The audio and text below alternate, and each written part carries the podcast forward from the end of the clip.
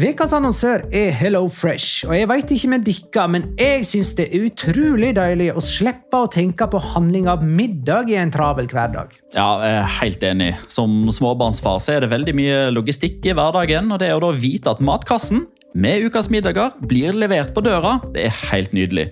Da slipper du impulskjøp på butikken når blodsukkeret er lavt, og når du kommer hjem, kan du bare ta ut posen med dagens ingredienser fra kjøleskapet og sette i gang matlaginga. Ja, Du kan velge mellom 25 ulike retter hver uke. Og de har faktisk en egen kategori som heter Raskt og enkelt, med masse enkle og gode oppskrifter. Veldig greit å ikke måtte ty til takeaway hver gang det er hektisk på jobb. Jeg gleder meg spesielt til sterk chilikylling i min neste kasse. Jeg blir sulten bare av å tenke på det. Ja, Det er ikke feil med bacon og cheeseburger heller, da. Og det som også er bra, er at matkassen koster det samme hver uke, som gjør det enklere å holde matbudsjettet. Ja, og så blir det ikke matsvinn heller, fordi du får akkurat det du trenger til hver eneste rett. Hello Fresh kan absolutt anbefales, og bruker du koden vår, LIGALOCA, kan du få opptil 1779 kroner i rabatt på de fem første matkastene hvis du ikke har prøvd Hello Fresh tidligere. Du kan også prøve koden hvis du har avslutta abonnementet ditt for tolv måneder siden eller mer. Gå inn på hellofresh.no og bruk koden LIGALOCA. Bon appétit! Hallo? Jeg kommer fra Oslo politikammer. Ine Jansen er purk. Er du purk? The motherfucking bitch. Alt jeg vil, er å finne ut hva som skjedde med mannen min. Jon Carew. Er jeg sikta for noe? Iben Akeli. Det er du. Ole So, Lars Berrum og Big Daddy Karsten. Hvem sin side er du på, egentlig? Anette Hoff, Tone Danielsen, Kommer du fra Afrika? Jørnis Josef, Nesten. Kløfta. Trond Espen Seim. Det er synd å si det, men det var feil mann som døde. Purk. Premiere tirsdag på TV2 Play.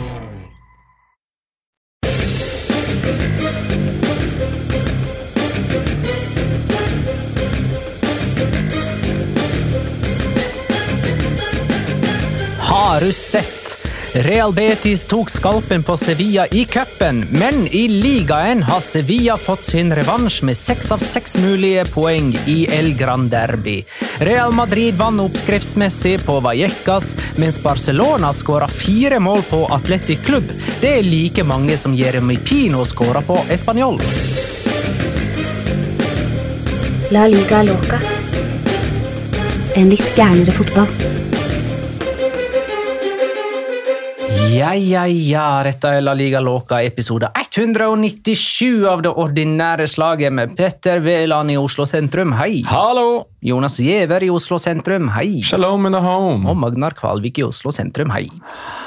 Hei, Magnar. Hei. Hei, Magnar. Hei. La oss ta det viktigste først. Jonas K. Lindgren skriver Kommer Bielsa tilbake til Spania, og i så fall til hvilken klubb? Ja, det Real Sociedad kunne kanskje med hell ha ansatt han. Ja, enig. Så han kommer tilbake til Spania og til Real Sociedad. Det hadde vært moro, i alle fall. Men, eh, Men i jeg. Altså. Sitter han, så Nei, han gjør jo ikke det. Eh, fordi altså, tabellmessig og poengmessig så ligger det jo liksom ikke så dårlig an. Men jeg, jeg, jeg syns bare at eh, nå begynner jeg å se litt forbi den der eh, ned på kne og banke i gresset og stå og hoie på pressekonferanser etter å ha vunnet Copa del Rey-trofé og sånn. Eh, akkurat som personlig for min egen del så har den euforien lagt seg litt. grann. eh, For det er blir- sånn Alguacil driver. det er sånn Alguacil driver, og han starta jo med, med, fi, med jeg, fine tall. og eh, Har spilt for klubben og har trent B-laget og er liksom klubbens ansikt utad på mange fine måter. Men jeg syns de spiller så drepende kjedelig fotball nå. Men jeg sier Celta Vigo. Ja, Kodett skal ha fått Kodett. sparken tre-fire ganger nå. I, Ja, ja. Snart så sier de 'Kodett var det'. Riktig. Ja. Noen andre klubber kunne vært kult. Det hadde selvfølgelig vært kult med Rayo Vallecano, og sånne ting, men uh, Iraola eh, skal få sitte der litt lenger. Ja. Uh, Det hadde vært gøy å se han i Atletic igjen, da. det hadde det, men vi veit på en måte hvordan det går der. Det, Ja, vi gjør det. Kunne du tenkt Español, eller? Eh, sånn apropos retur, der var han jo en veldig kjapp periode. For han tok over argentinske landslaget, òg, det ikke? Så han har liksom litt uoppgjort det? der. Eh, millenniumsskiftet, tidlig 2000-tall. Yes. Han rakk vel knapt å trene dem, uh, men han var, der innom, han var innom der veldig veldig kort. Nå skal jeg sjekke det bare helt sikker. Han tok de over i Han var der kun i 98. altså Eneste klubben han for øvrig Nei, vet du hva? Nå må jeg korrigere meg. Ikke den eneste. Både Lazio og Lill har begge to bare et årstall. For Han ble der ikke spesielt lenge i noen av de. I Lazio ble han vel bare i to dager, tror jeg, hvis jeg ikke husker helt feil.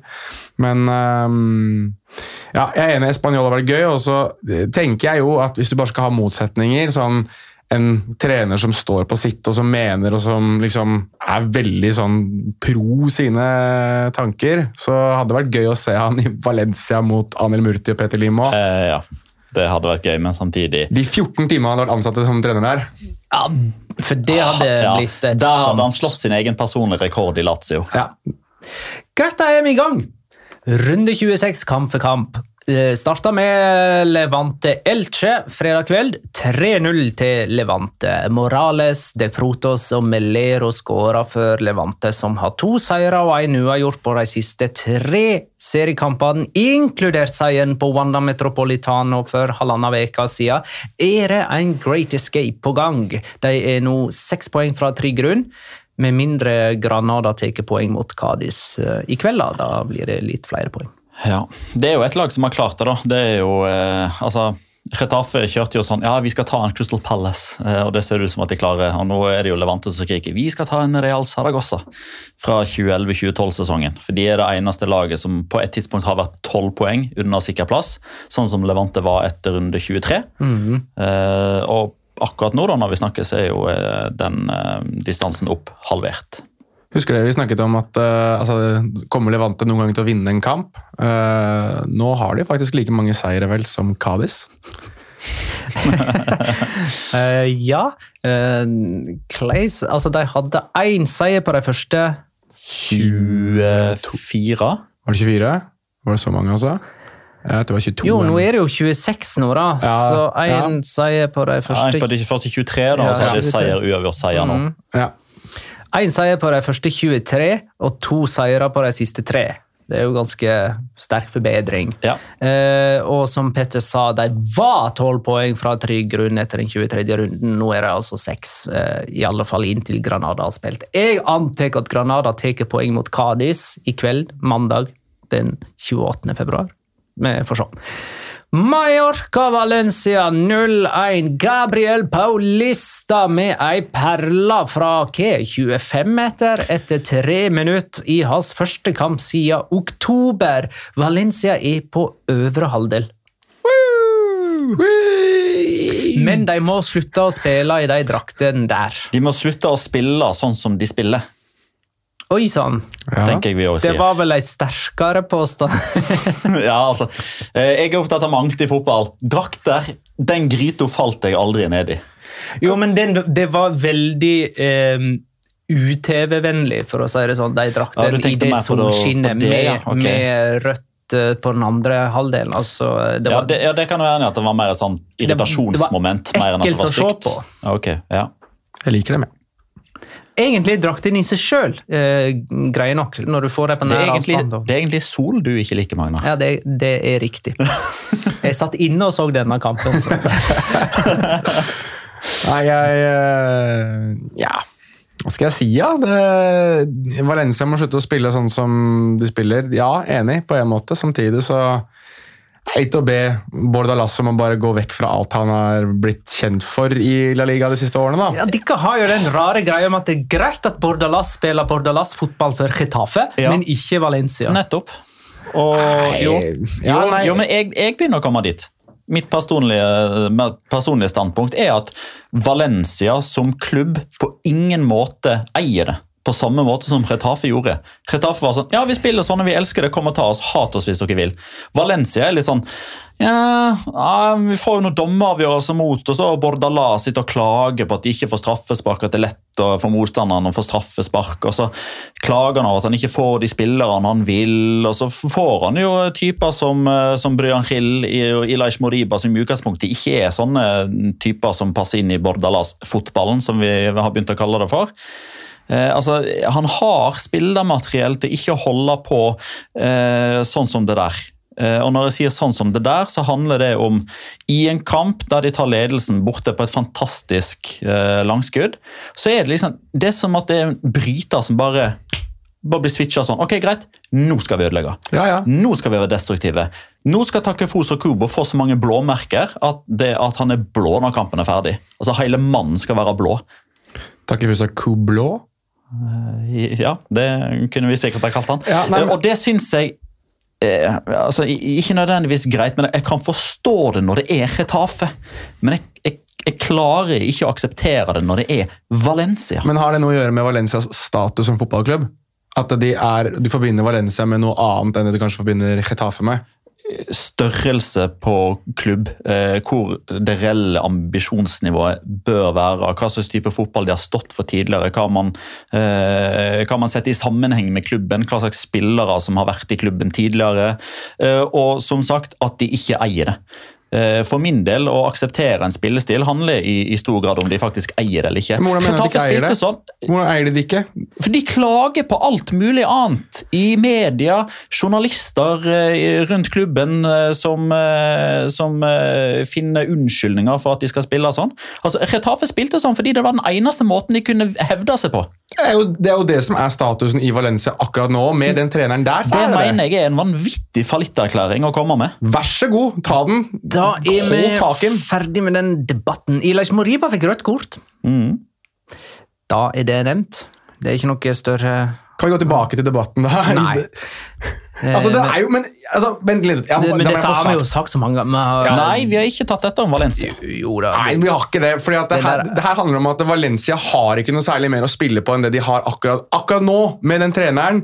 Og med en del av, Ikke alle, men en del av de spillerne så har de ikke noe annet å spille på enn akkurat det her. Det er mye, det er mye faenskap i det laget her.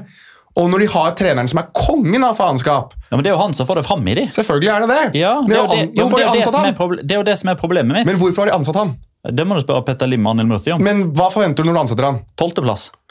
Men forventer du ikke at dette er fotballen som skal spilles når det er det som har fungert i Getafe? Det er jo det du ansetter ham for! Men da må klubben eie det ut av de måten de snakker om De er- dommeravgjørelser osv. på. De er jo knapt egen klubb, jo, de som sitter og uttaler seg på vegne av den klubben. Jeg snakker om Bordalas sjøl. Bordalas ja, i Getafe, Bordalas i Valencia. På pressekonferanser. To vidt forskjellige personer. Ja, det er jeg helt enig med deg men øh, det mener jeg uansett at spillerne eier det på den måten de altså, de spiller etter det systemet de tydeligvis blir satt opp til å spille av treneren, og så kan treneren være så tvetydig og tåkefyrste som han vil. Men eh, Brian Brian, Brian Hill burde ha valgt en annen klubb hvis han eh, tenkte at han skulle bruke ferdighetene sine til noe fornuftig. Det er jeg enig med deg. Uh, Getafe Alaves 2-2. Men så er jeg inne på faenskap!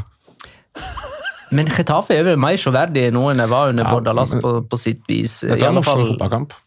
Uh, Enes Unal han gjør det igjen! Han skåra to mål for Getafe. Det var Escalante og Edgar Mendes som uh, skåra for Alaves. Eh, det, dette er andre gang på kort tid at Getafe spiller en ganske målrik kamp mot et lag man ikke trodde de skulle spille målrike kamper mot. Det er bare to runder siden de tapte 4-3 for Atletico Madrid, og i den grad Alaves spiller målrike kamper, så er det for at de slipper inn fire mål, og ikke fordeler fire mål jevnt mellom seg og motstander. Ja, det er som regel det. Uh, Getafe-spiller Jorge Cuenca ble utvist etter drøyt 30 minutter, og Alaves tok ledelsen to ganger mot ti mann, men klarte ikke å holde verken 1-0 eller 2-1. Syns det var litt gøy at uh, altså Edgar Mendes hadde muligheten til å gjøre seg selv til litt som public enemy number one for uh, Getafe, for det er jo han som eh, pådro altså greit, Den, den taklingen fra eller den der høye foten til Cuenca var jo hodeløs, eh, litt sånn i Filipe Augustos ånd. Men eh, han skåret jo også idet Enes Onal fikk utlignet, så skåret han jo rett etterpå. Så han både pådro et rødt kort og skåret målet som jeg faktisk trodde skulle bli vinnermålet. Jeg synes det var litt gøy da Enes Onal skåra i det 55., så så du på Kike Sanchez Flores at vi burde ikke feire helt ennå, vi burde bare slappe av litt av. Og der hadde han rett.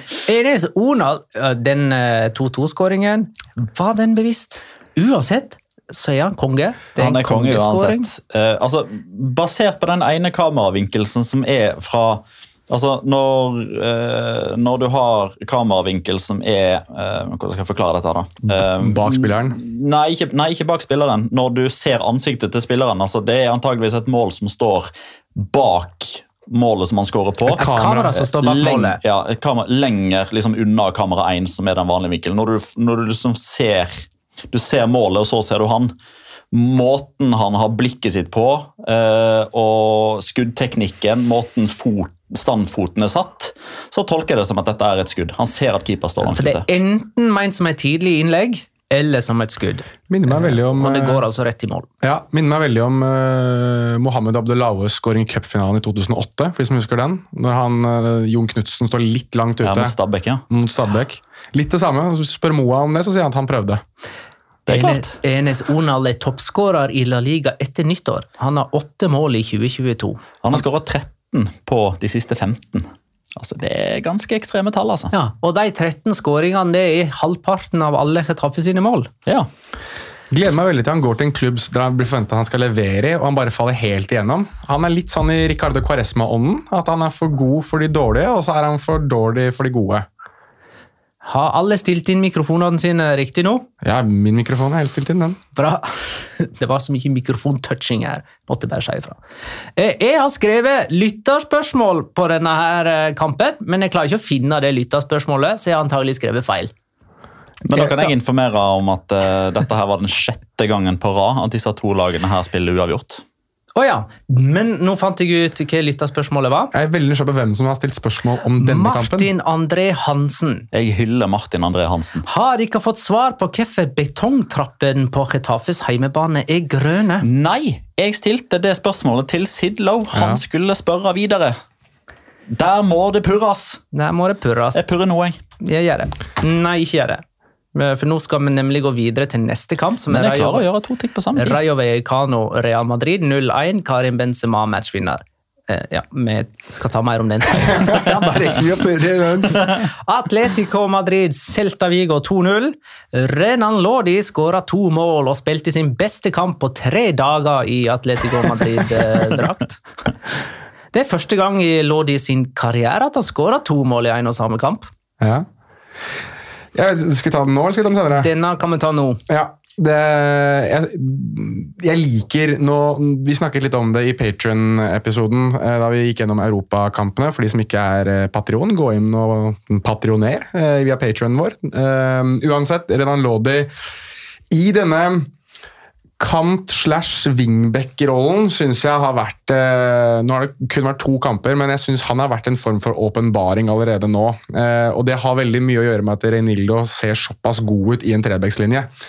Um, Bak uh, Renan Lodi, på en måte. da. ja, han gjør den, der, den søppeljobben eh, som Renan Lodi ikke klarer. Altså, Renan, Renan, la oss være ærlige at eh, Renan Lodi har vært en stor nedgradering fra tidligere venstrebacker i Atletico Madrid, namely eh, Felipe Luis. Um, Lucas Hernandez. ja, Han er ikke brasilianer, da, men jeg er enig med deg at uh, Lucas Hernandez for så vidt også var bedre. Ja, som venstre back før Atletico, tenkte jeg bare sånn generelt. Nei, jeg, Nå tenkte jeg prøvde prøve å, å lage en bro mellom Renan Lodi og Felipe Luis. Greit. Men, men altså, Reinildo gjør veldig mye av den jobben som Renan Lodi ikke klarer. Og så er det ganske åpenbart at eh, hvis Renan Lodi får spille høyere i banen, så blir han jo Renandinho Gaucho. Altså, det er jo som å se å si, Ronaldinho i glansdagene innimellom, sånn som han holder på. Så mm, jeg tror at hvis det er én spiller som kanskje kan komme veldig styrket ut av det at eh, Diego Simione også fremdeles er litt på det at han vil prøve nye formasjoner, og tilsynelatende også har funnet ut at eh, hei, Kondogbia og Ector Herrera er visstnok ikke så ræva som vi har trodd at de skulle være, så, mm, så er det Renan Lode som sitter igjen som den store vinneren. Mm. Dette er første gang siden november at Atletico vinner to seriekamper på rad. Og det er første gang de holder nullen i to strake seriekamper siden mai i fjor. Altså, det er første gang denne sesongen. Det er jo en locora i seg sjøl. For de har jo abonnert på smultringer.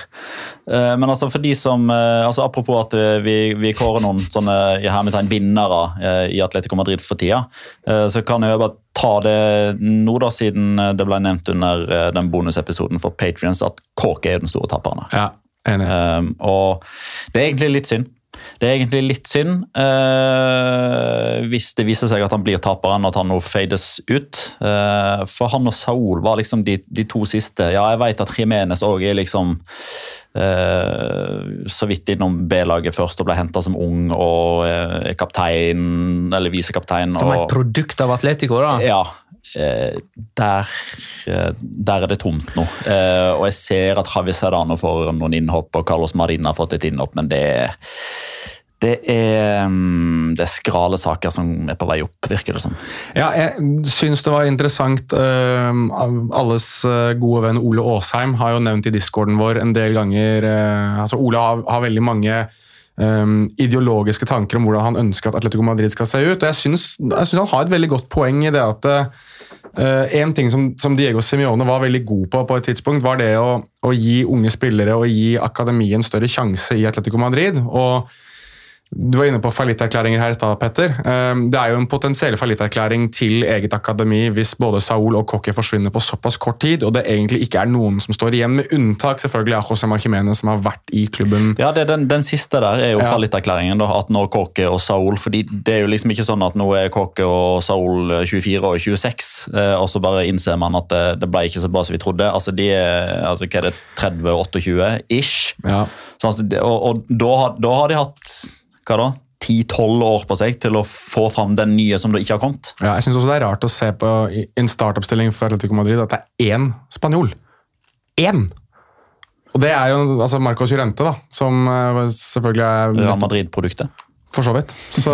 Atletico er nummer fem på tabellen. De er A-poeng med Barcelona, som er nummer fire, men Barcelona har en kamp til gode.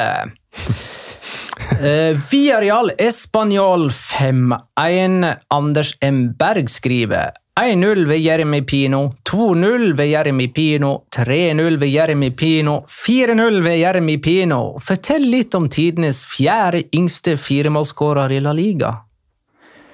Ja, f eh, altså Bro fra det tidligere samtaleemnet. Dette er jo et klubbprodukt. Eh, ikke av Atletico Madrid, riktignok, men av eh, Villarreal. Har jo debutert på landslaget allerede. Eh, Villarreal fikk forlenga kontrakten med han tidligere denne sesongen og uppa utkjøpsklausulen. Det tror jeg kan være lurt. Den ligger på 80 sies det at den er på nå, mellom 75 og 80. Eh, Millioner euro. ja.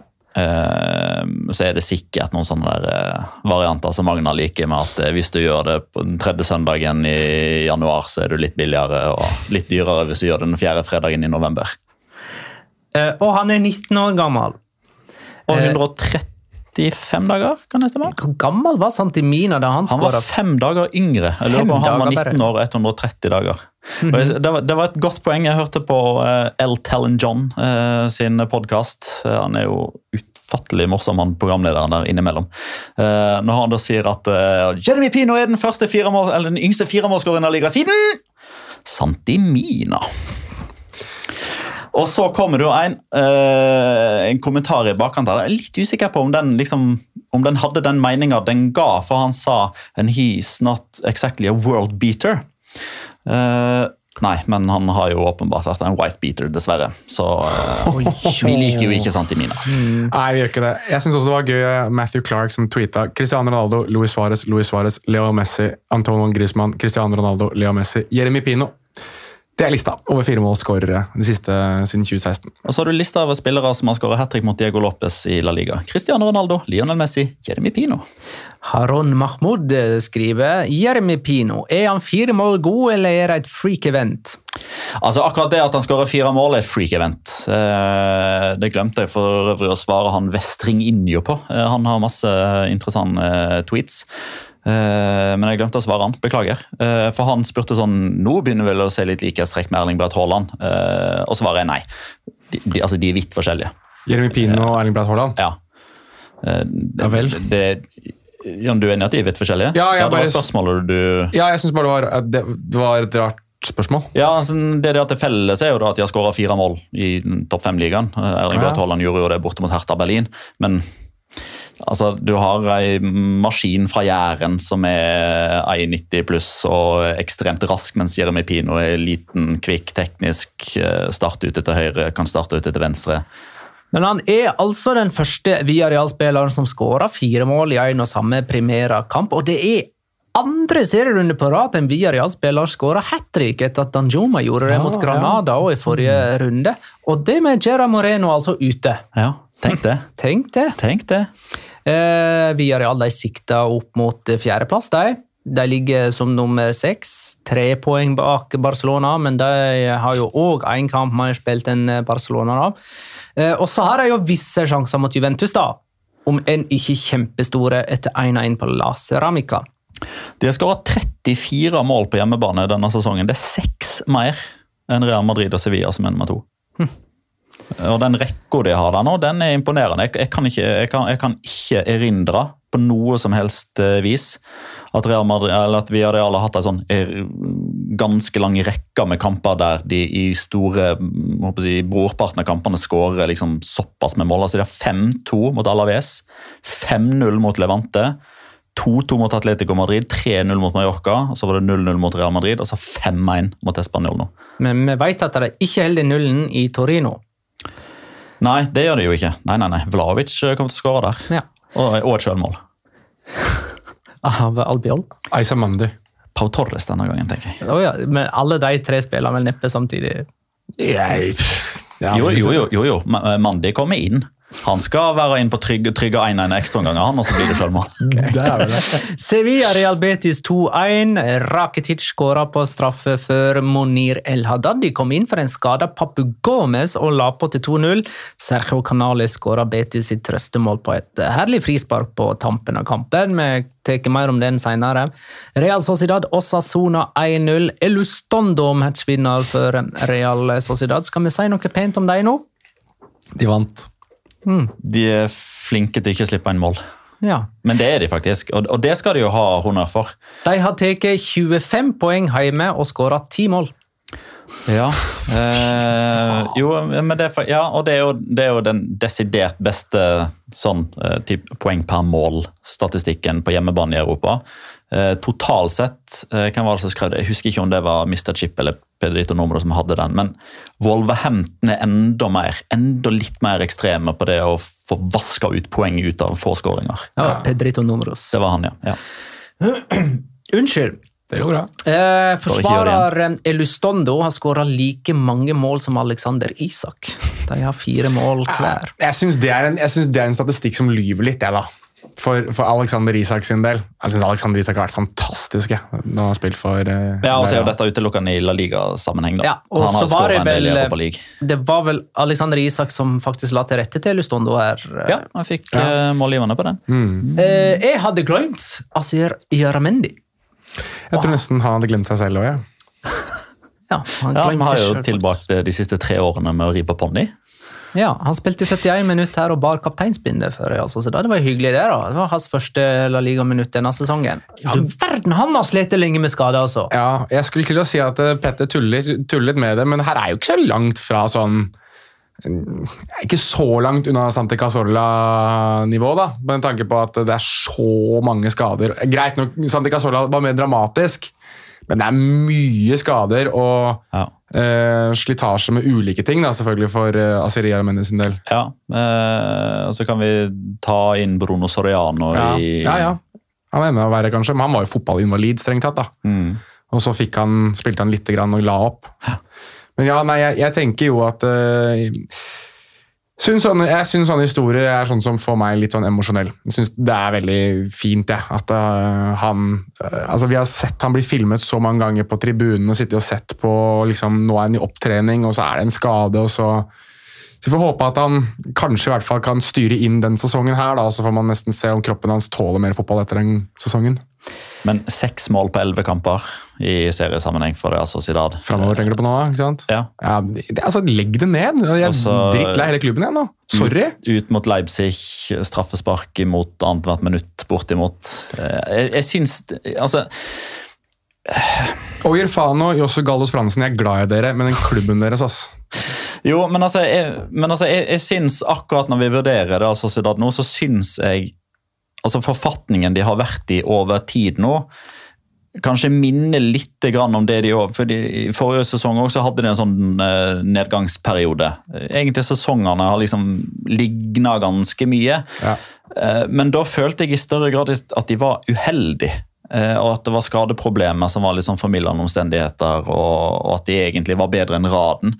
Eh, men, men, det syns ikke det er nå. Eh, altså jeg ser jo på, på statistikkene fra Pedrito Nomodas at de tok 43 poeng etter 25 kamper for to sesonger siden. og Så tok de 42 poeng forrige sesong og 41 poeng denne sesongen. Så det er liksom ett steg ned og tilbake for hver sesong, men jeg føler egentlig at Hæ? Skulle ikke det gapet vært større, tenker jeg. Eh, for det, det, det er lenge siden jeg har sett det, og så har jeg tenkt nå er de gode. Nå er de der de skal være. Men de har en sånn periode hver sesong. Det virker som de begynner bra, og så slukner. Ja. Under all gåas asyl. Uh, Barcelona Atletic Klubb 4-0. Aubameyang skåra igjen. Det gjorde òg de tre innbytterne Dembélé, Luc de Jong og Memphis Depay. Vi kommer tilbake til den kampen. Granada Cádiz den har vi ikke sett. Den blir spilt mandag klokka 21 den 28. februar. Eh, så da kan vi gå litt mer i dybden på El Gran Derby, da kanskje. Ja, fra en stor andalusisk kamp til en annen, si. Ja, Granada Cádiz er jo òg et andalusisk derby, det er sant det? I dag er det vel Andalusia-dag, er det ikke da? Er det ikke Det er vel det. Det er noe sånn her eh, det er jo ikke Independence Day akkurat, da. Nei.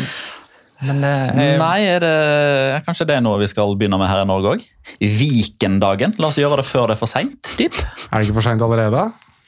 Jeg er ikke opplyst. eh, Det står fortsatt eh, Viken kommune når jeg kjører inn i Nordre Follo kommune.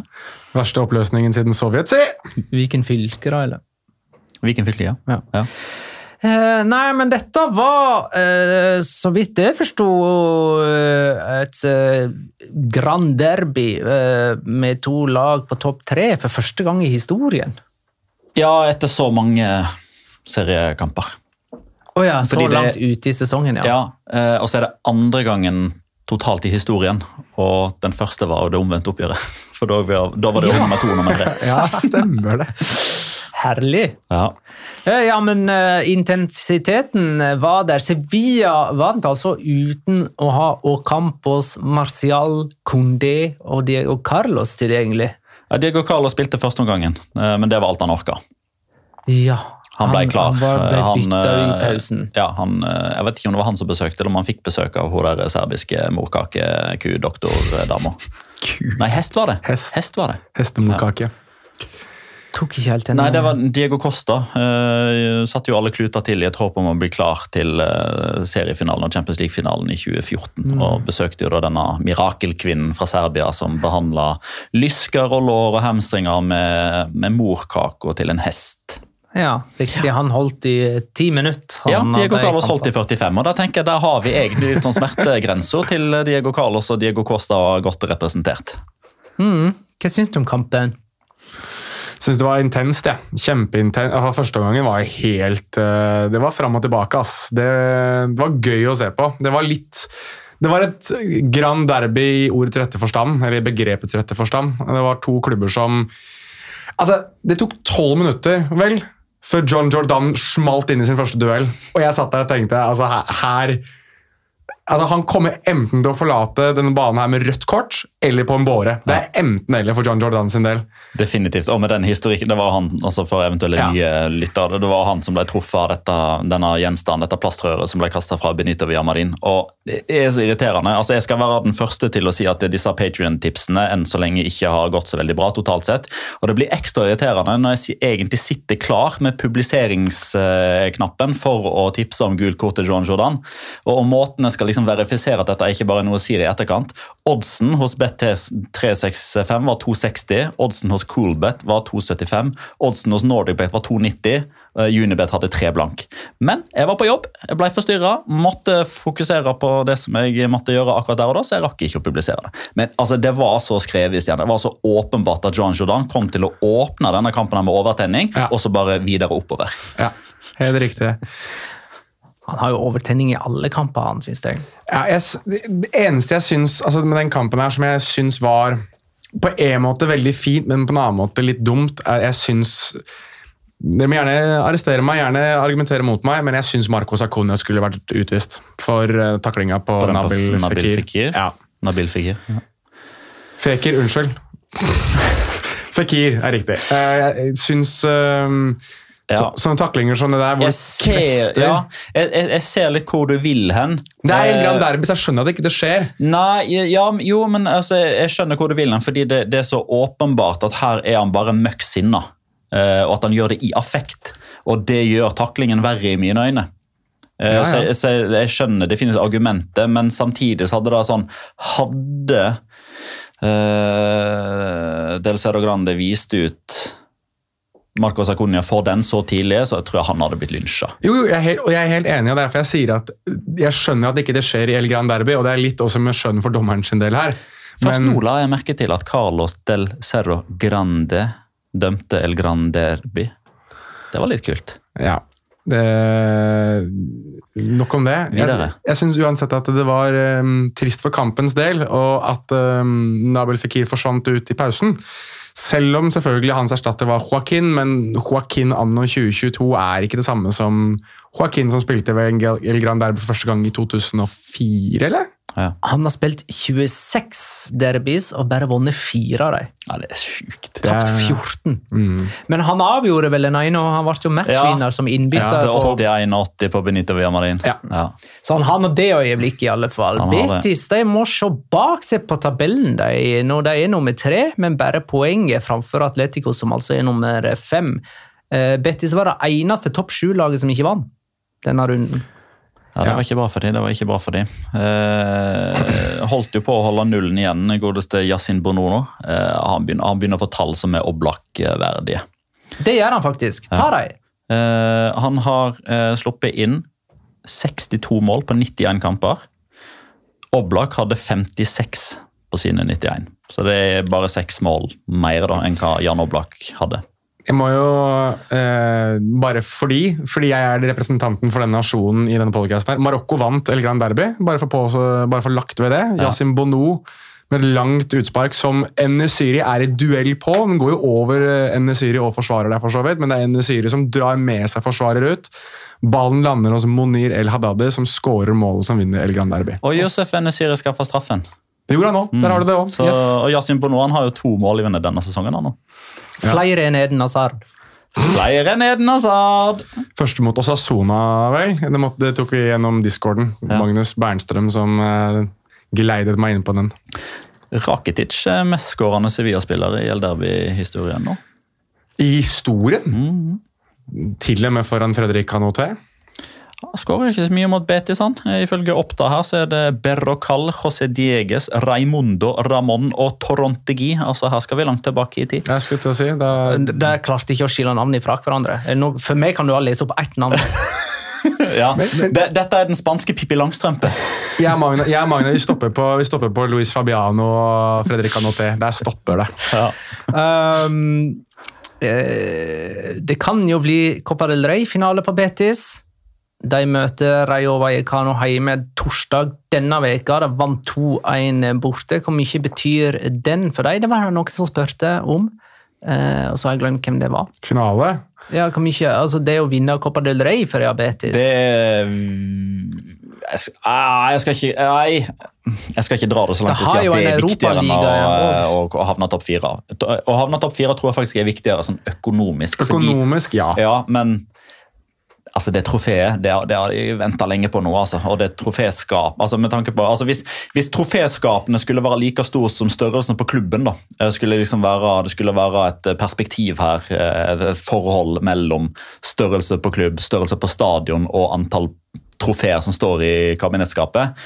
Der, der, er det, der, er det, der er det koronarestriksjoner. Der er det avstand på en meter mellom hvert trofé, for å si det sånn. ja. Eh, Betis kjemper altså på tre fronter. De kjemper om en topp fire-plassering i La Liga. De kjemper om en Copa del Rey-finale, og de møter Eintracht eh, Frankfurt i åttedelsfinale i eh, Europaligaen. Sevilla møter Westham der. Eh, og ja Oddsen eh, er vel kanskje ikke helt sånn for det, men det kan hende vi har to Grand Derbys eh, framfor oss fortsatt denne sesongen. Det har vel skjedd i hvert fall før at jeg møttes i en Ja da. Europa 2013-2014-sesongen. i straffesparkkonkurranse og sånn. da. Lagene vant hver sin bortekamp med 2-0. Ja. Jeg eh, tenker at begge disse to lagene her er jo nå sikkert litt forbanna over at ingen av de trakk Spartak Moskva i, i Europaligaen. Si, ja. At de er Spartak Moskva er kasta ut av Europaligaen. Ja, så de er happy?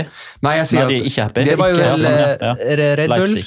Leipzig Ja. som har Får de walkover, eller? Ja, de gjør det. walkover. Uff a meg. Så Ja, trist. ja, ja, men ja, ja. Greit at Spartak Moskva er ute, da. Ja.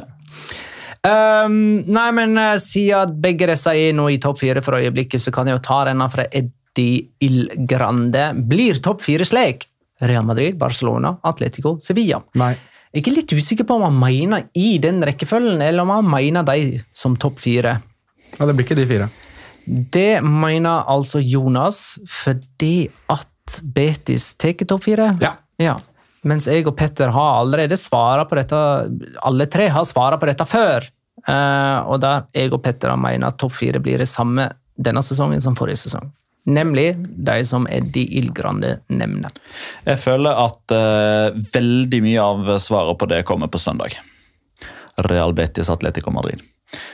Uh, taper Betis den, da tror jeg dessverre at eh, den lufta går ut av ballongen. I alle fall hvis de har tatt seg til finalen i, i Copa del Rey. Altså, jeg, jeg vet at det er en annen som har stilt spørsmål direkte til meg når vi skal sikkert inn på Barcelona etterpå, om jeg fortsatt tror at Barcelona ender utenfor topp fire. Eh, både ja og nei. Altså, jeg må jo si ja, jeg tror de ender utenfor fordi jeg har tippet det, og fordi jeg må, jeg må jo stå ved det jeg har sagt. Men jo mer jeg ser på det altså Jeg er jo ikke dum. Eh, Det er mye rart jeg er, men dum er jeg nok ikke. Eh, Jeg ser jo at vinden blåser veldig i favør Barcelona, så jeg vil ikke la meg overraske hvis de klarer det. Men jeg er jo en mann av mitt ord. Vi skal komme til Barcelona etter Så lenge hamstringene mine fungerer. Det gjør de ikke lenger. Går innom Rayo Vallecano Real Madrid 0-1 først. Eh, Real Madrid har holdt nullen i fire seriekamper på rad.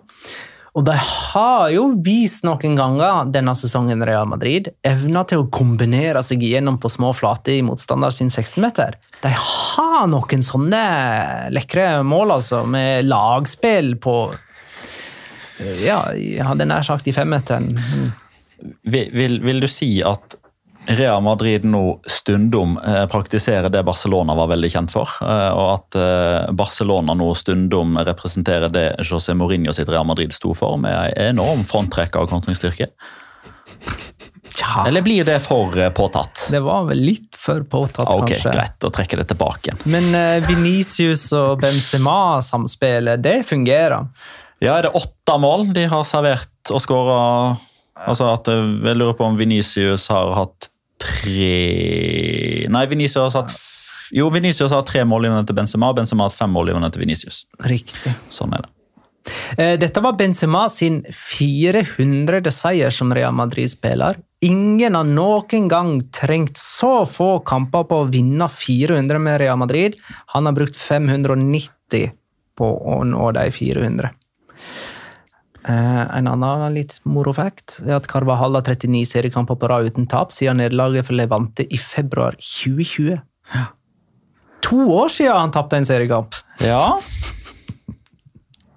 Altså, han Ja, vi trenger ikke gjøre dette om til uh, Carvajal-podden. Eh, men eh, han er jo fortsatt ok, da. Men den, den, den statistikken der er jo òg litt sånn fordi Ok, Har han ikke spilt mer enn 39 kamper på to år? tenker jeg da? Eh, nei, han har ikke det, for han har vært mye skada. og så er det gjerne to sider av samme sak. da, Er det Carvajal som eh, gjør at Real Madrid sliter når han er ute med skade? Eh, det kan man jo godt si, fordi høyrebekken er jo et akillespunkt. Eller en akilleshæl for klubben. Men er det noe mer å dra ut av Real Madrid fra denne kampen? Kinderegg-annullering for eh, Casemiro. Offside, opphøyd i hens, opphøyd i eh, forseelse. Eh, han skåra og gjorde alt det der. Ja, eh, Han var i offside, før- ja. han ballen var borti armen, og han dytta i ryggen. I ett og samme eh, jeg, forsøk. Og, Og det- jubla ganske lenge etterpå. Ja, ja, altså Det var jo VAR som var inne og annullerte i etterkant her, og det syns jeg er litt, eh, litt interessant, fordi det er òg en litt sånn der Eh, altså, jeg, lurer på om jeg tok det på Nei, det var, det var når jeg var gjest i, i dommerpodden til eh, Eskås og Hobber Nilsen. for Det synes jeg var et sånn artig poeng. at på det tidspunktet, det laget som hadde fått flest VAR-avgjørelser i sin favør, det var jo store, sterke, økonomisk eh, kjemperessurssterke med store svarte kofferter, eh, Eibar. Eh, som kanskje ikke passer narrativet til de som mener at det er masse korrupsjon osv. Og, og at det er de største som eh, og, og her har man jo en, eh, en annen litt sånn Ok, greit variant. At dette var den 31. VAR-involveringen som går imot Real Madrid. Flest av alle. Syns, eh, bare for å ta det eh, mens vi er inne på med Real Madrid eh, Karim Benzema altså han, AS hadde en veldig morsom statistikk på det at han har vært direkte bidragsytende til 15 av poengene som, nei, som Real Madrid har, har tatt. Um, altså Hvis du tar vekk de 15 poengene som Benzema har vært uh, si, ansvarlig for, så hadde de faktisk stått med 45 poeng. Det er samme poengsum som som tar den. Barcelona og Atletico Madrid. Helt riktig. Ja. Så de hadde da, Men Atletico Madrid hadde jo da hatt ett poeng mer, uh, visstnok. Ifølge deres uh, Ja, Det er fordi Benzema sikra ett poeng. i- Riktig. Så da hadde jo Atletico Madrid ligget på tredjeplass, Real Madrid på fjerdeplass, A-poeng med Barcelona. Så vi kan faktisk si at Karim Benzema i ordets og begrepets igjen rette forstand, big game Karim. Igjen og igjen og igjen og igjen og igjen. Rayo Vallecano var null seire i 2022. Én uavgjort og seks tap. Fem av de tapene har kommet nå på rad. Og som sagt, de møter altså Betis i Copa del Rey semifinale på Benito Villamarin torsdag denne veka. Tolvteplass nå, Magnar. Nå er det de som har tatt Valencia-posisjonen. Ja. Det er ganske sykt. Altså Fra en eh, godt styrt klubb til en annen. Altså Den tolvteplassen eh, må man altså, den må man holde seg unna. Altså Det er sånn ildtang-posisjon. Ja. Nei, altså er så, Jeg syns det er så trist. Altså, jeg skal ikke gå så langt inn på dette med Raja, vi kan ta det sikkert ved en annen anledning. men det er så trist å se hvordan de bare har falt sammen. altså Ramla helt sammen. Det, er, for, altså, det er ikke det at de har mistet en spiller, eller at det er noen som har blitt langtidsskada, eller noe som helst. Det er bare at det, Nå er det så mye surr og så mye jævelskap i den klubben at jeg tror det har gått i hodet på samtlige i den garderoben der. I dag måtte jo faktisk klubben ut øh, og, og dementere rykter om at Raúl Martin Presa har en plan om å flytte Rayo Vallecano ut av øh, Comunidad Madrid. Altså ut av regionen Madrid.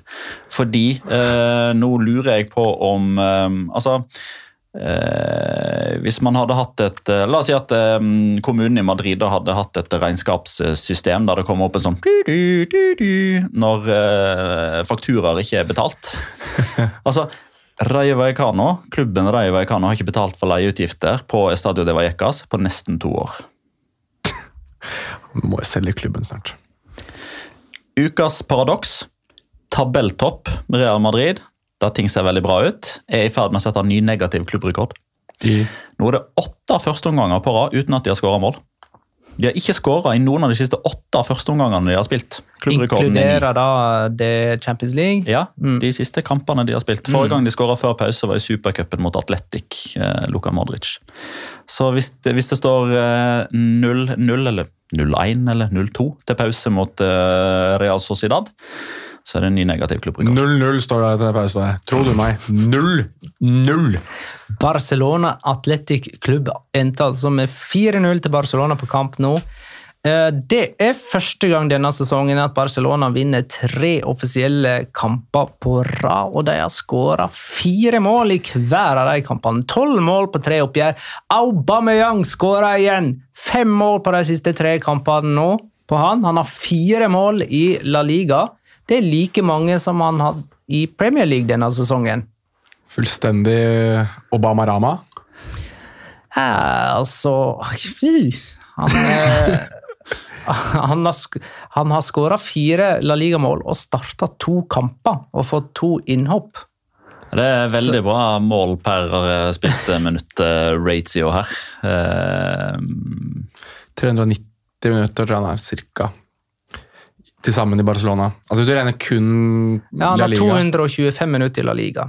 Ja, ja, ja da blir det enda Da er det 390 totalt da, med de to Napoli-kampene. antageligvis. Ja. Da har han jo skåra seks mål. Ja, riktig. Nei, fem. Fem. Fem. Fem. Fem mål. Uh, men er det likevel Pedri sin retur som utgjør den store forskjellen her? Altså, når sjøl Chavi sier Han er et geni. at han ligner på Iniesta, da bøyer jeg meg. Han hadde jo en, eh, Ok, sier jeg da. han hadde en luke her hvor han kjører sånn sådragning gjennom beina på jeg husker ikke hvem det var. Han gjorde det på. Valenciaga, var ikke det? Ja. Var det Altså, ja, altså, eh, en slags helsparkluke, bare at han, det var med sålen og ikke hælen. Ja. Og, Altså, og så var det òg en situasjon. Det var i andre omgang, for de angrep mot venstre. Jeg husker ikke når det var, annet enn at det var etter pause. Jeg husker ikke hvem som var i nærheten. Eh, Men det var en situasjon der, ganske tett nede mot tekniske teknisk sone, altså ned mot garderoben, ganske nærme kamera. Han har to eller tre atletikkspillere liksom i nærheten. Dette er en, en fasespiller der Barcelona holder ballen innad i laget. Og det var, det, det var som å se Andres Iniesta i, fra 2007 til 2014. liksom. Bare motta ball, bare vente på at motstander kommer. Et lite touch til venstre, utsidepasning forbi og løpe i ny posisjon og få ballen tilbake igjen med veggspill. Altså, Skremmende likt. Ja, Poenget mitt var at den sådreininga gjennom beina på Balenciaga Det er jo en spiller som har nøyaktig samme luke, og det er Juan Roman Riquelme fra da han spilte i Boca Juniors. Det er nøyaktig det samme som Riquelme gjorde eh, en gang på 2000-tallet. Ja, Det var i Super Classico, det, når det var en River Plate-spiller som bortimot tok rennafart. Her skal jeg sparke ned Riquelme. Ja, Og så fikk han en luke. Så vi kan jo ha Riquelme pluss Iniesta er lik Pedri, da, plutselig. Ja. Eh, Martha Persdatter skriver endelig burde det bli en god episode som Colé. Eh, og nå, nå har vi snakka mye positivt om Barcelona, har ikke vi det? Disse siste minuttene. Vi kan fortsette sikkert òg. Adrian, eh, Adrian Vigdal skriver den impacten Dembélé hadde på søndag, var helt ellevill. Tror ikke han fortsetter sånn. Reiser han til sommeren, eller går han òg ned i lønn og holder seg til Barcelona? Bare sånn for å ha sagt det, da. Dembélé kom inn og hadde én skåring og to målgivende. Ja. Nei, altså eh, Han er jo kjempegod nå, da, når han får litt uh, spilletid. Og så er jo det sp altså Alle stiller jo det samme spørsmålet. Vi kan jo egentlig bare ta det i kor. Én, to, tre. Jeg vet ikke hva spørsmålet er. Når blir han skada igjen? Å ja. Det er jo selvfølgelig Jo, jo. spørsmålet. Ja, ja. ja, fair enough. Ja. Ja. Men uh, vi fikk jo egentlig et lignende spørsmål den 31. januar, altså uh, noen timer før overgangsvinduet stengte nå i vinter. Eh, og Da svarer Petter at Dembélé blir en nøkkelspiller og sikrer fjerdeplass. Eh, Da var spørsmålet noe sånn, hvor mye kommer han til å spille for Barcelona resten av denne sesongen? Ja, Det handler jo egentlig litt om at eh, altså Jeg syns at uh, Laporta Alemann og Xavi nå, sånn som står nå, har gjort en fabelaktig jobb under forutsetningene. De har fått klubben på rett kjøl igjen. De klarte faktisk å hente spillere til tross for at alle sa at de er lutfattige, de har ikke nåla i veggen, bla, bla, bla. Men akkurat der så var jeg så sikker på at akkurat de ordene som kommer ut av munnen til Joan Laporte og Matteo Alemann, selv om valgene de har tatt til nå har vært gode, signeringene har slått til foreløpig, men det er ikke vært, altså det, det, det ikke vært uh, si, luft av ordene kommer ut i engang. Så det der uh, signer ny kontrakt, eller så får ikke du spille et sekund mer. Jeg trodde ikke på det et sekund. Syns det som er gøyest med de spillerne her, altså med de som gjør det bra, er at det er fullstendig minus. Pluss minus er lik, eller blir pluss, da. Altså, se på alle de spillerne de har nå. Aubameyang, Dembélé, uh, Alves, Memphis Depay det, altså det er jo bare spillere som du tenker at dette er bråkmakere hele gjengen. Dette kommer til å bli fullstendig kalibalik. Og så spiller de den flotteste fotballen de har spilt postmessig er æraen. da. Så de ser jo la, altså, det, er, det er vanskelig å ta Barcelona på noe som helst nå hva angår måten de spiller på. Altså, de, de spilte ut Napoli på Stadio Diego Maradona. De, de spiller ut Atletic Club som ja, riktignok Startoppstillingen her ba jo preg av at de skal spille en, et returoppgjør i Copa del Rey-semifinale. Altså de, de, de, eh, Atletico Madrid-kampen selvfølgelig også. Altså de ser så mye bedre ut nå enn det de har gjort tidligere. Og jeg kan, jeg kan ikke huske å ha sett altså, en spiss som har passet det Barcelona prøver å gjøre nå bedre enn det Pierre-Emerick Aubameyang eh, gjør. Altså. Han ser altså Han ser ut som han er født han, til å spille den spissrollen i Barcelona.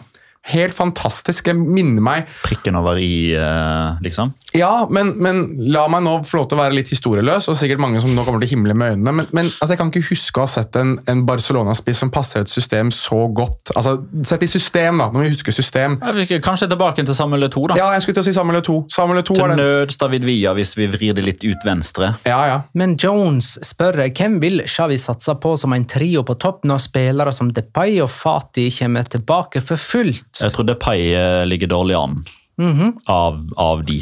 Så, men kanskje da For det Jones skriver, er jo at uh, han ser gode takter fra Aubameyang og Adama, og for så vidt Luke i det siste.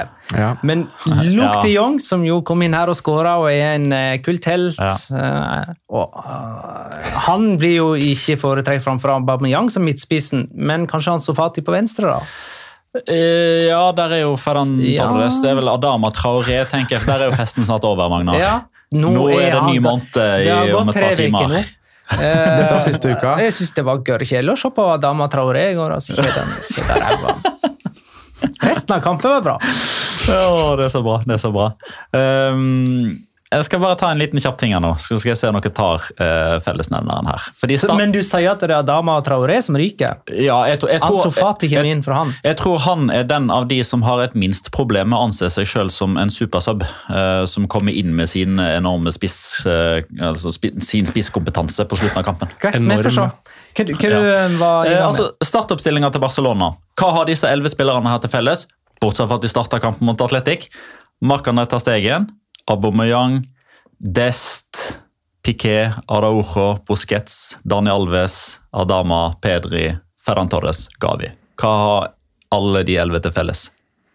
Jeg, vet- jeg tror jeg vet hva du skal fram til, men jeg skal se om Magnar tar det først. Jeg tror jeg vet det. Jeg tenkte over det samme selv. det var så mange. Ja, det var elleve.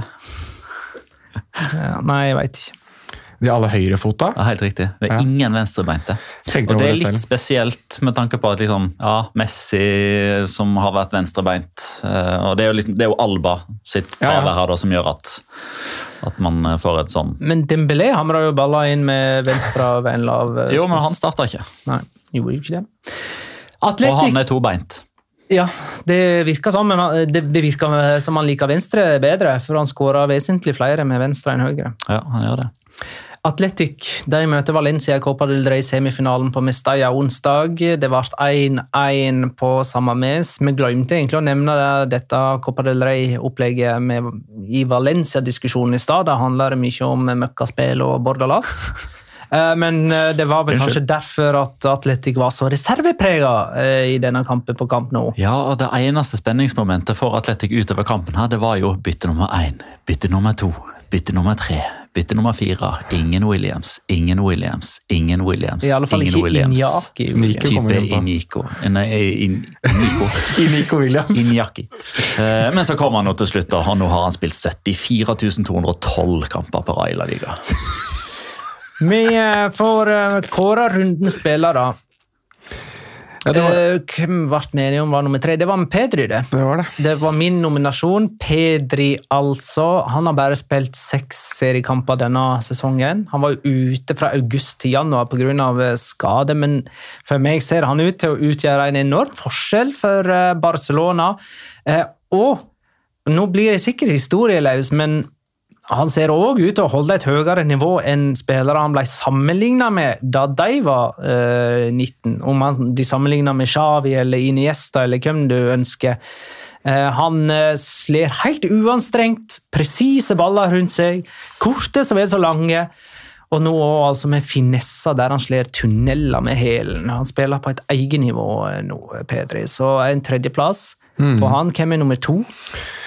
Nummer to har vi også vært inne på tidligere i episoden, og det er jo mannen jeg nå døper om til Renandinho Gaucho, helt til han eh, bytter om Renan Lodi. Uh, syns eh, Altså, han, han gikk jo tårevåt av banen da han ble byttet ut, fordi hele Wanda Metropolitano skrek jo navnet hans, og det så ut til å treffe han litt i hjerterota, som den uh, emosjonelle brasilianer han er. Um, fantastisk i denne offensive rollen sin, hvor han egentlig bare har tillatelse til å gå, gå framover. Jeg syns avslutningen på 2-0-skåringen er helt fantastisk. Han var litt usikker sjøl, så jeg, på om han var offside eller ikke, men så fikk han tommel opp, og da var det full, full jubel. Så um, Renan Lodi, som er eh, jeg, jeg trodde ikke jeg skulle ha han som en del av runden spiller noen gang, men uh, han får den nå veldig fortjent som nummer to. Nummer én må jo da være Enes Onal. Man skulle tro det, men han har fått sin time to shine. Han har jo blitt kåret til rundespiller i alle fall én gang. Jeg lurer på om han har vært topp tre i alle fall to ganger. Uh, han har jo fjerdeplassen, da. Det skal sies. Men uh, apropos fire, altså Jedemi Pino. Når du er fire målskårer, så er det, det er vanskelig å komme foruten han. Eh, vi har vært inne på han. Um, så jeg, i stedet for at jeg skal begynne å snakke om hvorfor han var rundespiller, det sier seg selv, så skal vi ha en liten quiz. Oi! Seks spillere som er født i Spania, har skåra fire mål i en og samme La Liga-kamp på 2000-tallet. Som er født i Spania. Ja, altså spanske. Spanske fotballspillere. Santimina. Helt riktig. Og Seks? Jeremy Pino. Seks Så stykker. er det fire Ja, til. Står det to der, da? Ja. Men Raúl Nei. Men eh, det er en Real Madrid-spiller der. Fernando Morientes. Og så er det tre tidligere Real Madrid-spillere. Morientes. Fernando Morientes er riktig. Det var han som spilte for Real Madrid. Alle de tre andre gjorde det etter at de forlot Real Madrid til fordel for en annen klubb. Kan Roberto Soldado være en av dem? Roberto Soldado er en av de. ja, Sterkt, eh, Jonas. Og hans eh, altså, Negredo, da. Knoll og tott. Selvfølgelig, hvis Soldado er på ei liste, så er Negredo på lista. Så er det en til som også har vært i Real Madrid. Det er den dype. Den dype. Det er den dype. Det er den som, er, som skiller seg ut her i enda større grad enn Jeremy Pino. Raúl Thomas. Nei, for han har vært på landslaget. Det har ikke han her. Aha, ok. Ja. Vært i Real Madrid? Ikke kjent for det oppholdet. Nei, nei, jeg gjetter på at det er noe sånn Real Madrid C, Real Madrid B. Kanskje en, en eller to kamper for A-laget, liksom. Men uh, uten å egentlig gjøre noe aktiv nå? seg. Ja, ja, Uh, men det hjelper ikke å si hvor han spiller. Å ja, er, det her er veldig dypt, altså. Ja. Uh, han er nå 33 år gammel og spiller fotball for eh, Algeciras uh, i lavere divisjoner etter et særdeles mislykka innhold i Ionikos, som enten er gresk eller kypriotisk. Jeg veit ikke. Eh, melder pass. Uh, Francisco Portillo. Nei, han er, han er spiss. i Eller iallfall angriper. Nei, jeg måtte prøve meg på en dyp en. Ja. Jeg, jeg tror politiet har må jo lagt opp. Han eh, spilte for Rayo Vallecano da han gjorde det. Han spilte sammen med Piti, blant annet. Eh, kan det ha vært gjennombruddssesongen til Micho? Eller var det litt, litt tidligere, kanskje? Åh, Eh, han er ganske bra. bra, Bravo. Bravo. Nei, men på spansk. Alberto Bueno. Helt riktig. Det var sjettemann. Ja, den er dyp. Den er dyp. Den Den er dyp, nei. Det er dyp Nå er det tid for Locora! Ukens La Liga Locura. Locura. Locura. Locura. La Liga Locura. Jeg kan begynne, jeg. Ja. Um, fordi uh, vi nevnte det så vidt. Tre innbyttere som skåra for Barcelona. Både Luke de Jong, Osman Dembélé og uh, Memphis Depay. Memphis Depay kom jo inn og skåra. Det var aller første gangen i La Liga-historien at tre innbyttere har skåra for Barcelona. Eh, og da har jo Mr. Chip eh, selvfølgelig kommet opp med eksempler på andre som, eh, som har gjort det. Og Det er ikke nødvendigvis veldig mye galskap her, men jeg ble bare, jeg ble bare glad av å se navnene til Martin Palermo og Arnold Bruggink. Så derfor ble det min locora. Det er blant andre sånn innbyttertrioer som har gjort det. Ja.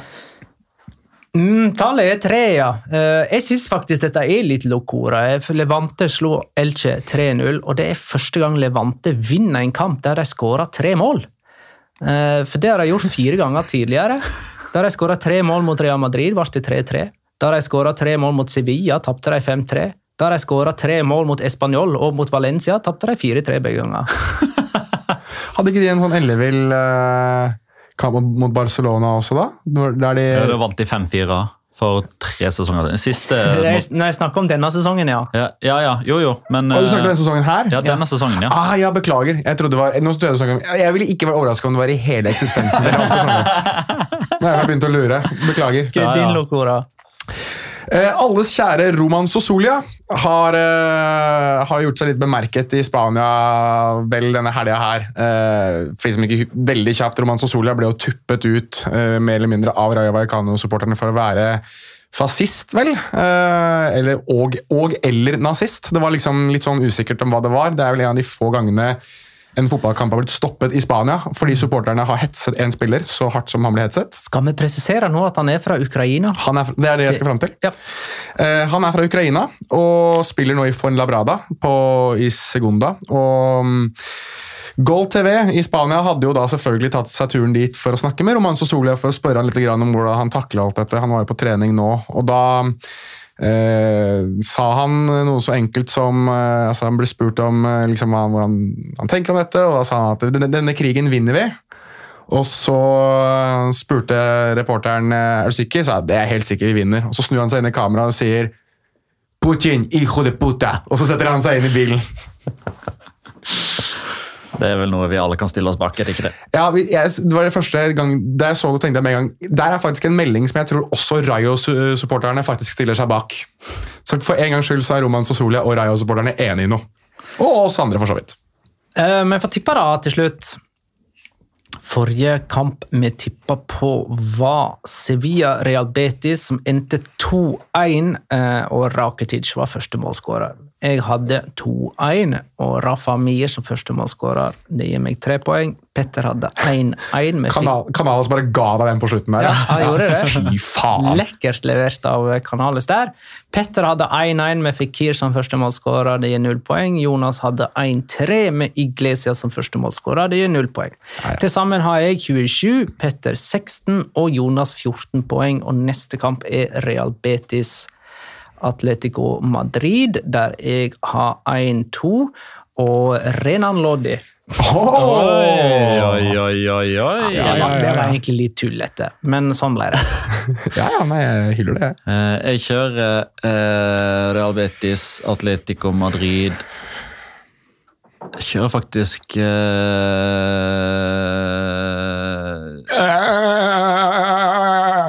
0-2. Eh, første målskårer Antoine Griezmann. Tror han starter. Ja, nå er det på tide. Fått to innhopp nå etter skade. Da er han klar igjen. Jonas, du skal jo tippe på Betis-seier. Det skal jeg. 1-0 Hanne. 1-0 Juanmi. Du har aldri vært så kjapp på noe som ikke har vært eh, garantert 0-0. Ja, fordi det, For en gangs skyld så er det ingen som tok det jeg skulle ta, så da kunne jeg ta det, jeg. Du måtte bare 1-0 skynde deg før noen gjorde det. Ja, ja. 1-0 Juanmi. Ja, ja, ja. ja, ja. Riktig. Greit, da har ikke jeg meg på tapetet. Det har jeg, men vi avslutter. Skal du ta en kjapp en? Nei, jeg har alltid meg på hjertet, men kom igjen. Jeg skal, jeg skal ta en kjapp en når jeg kommer hjem. Patreon.com slash La Liga Loca. Der er det det. Tusen takk for at du lytta, kjære lytter. Ha det, da.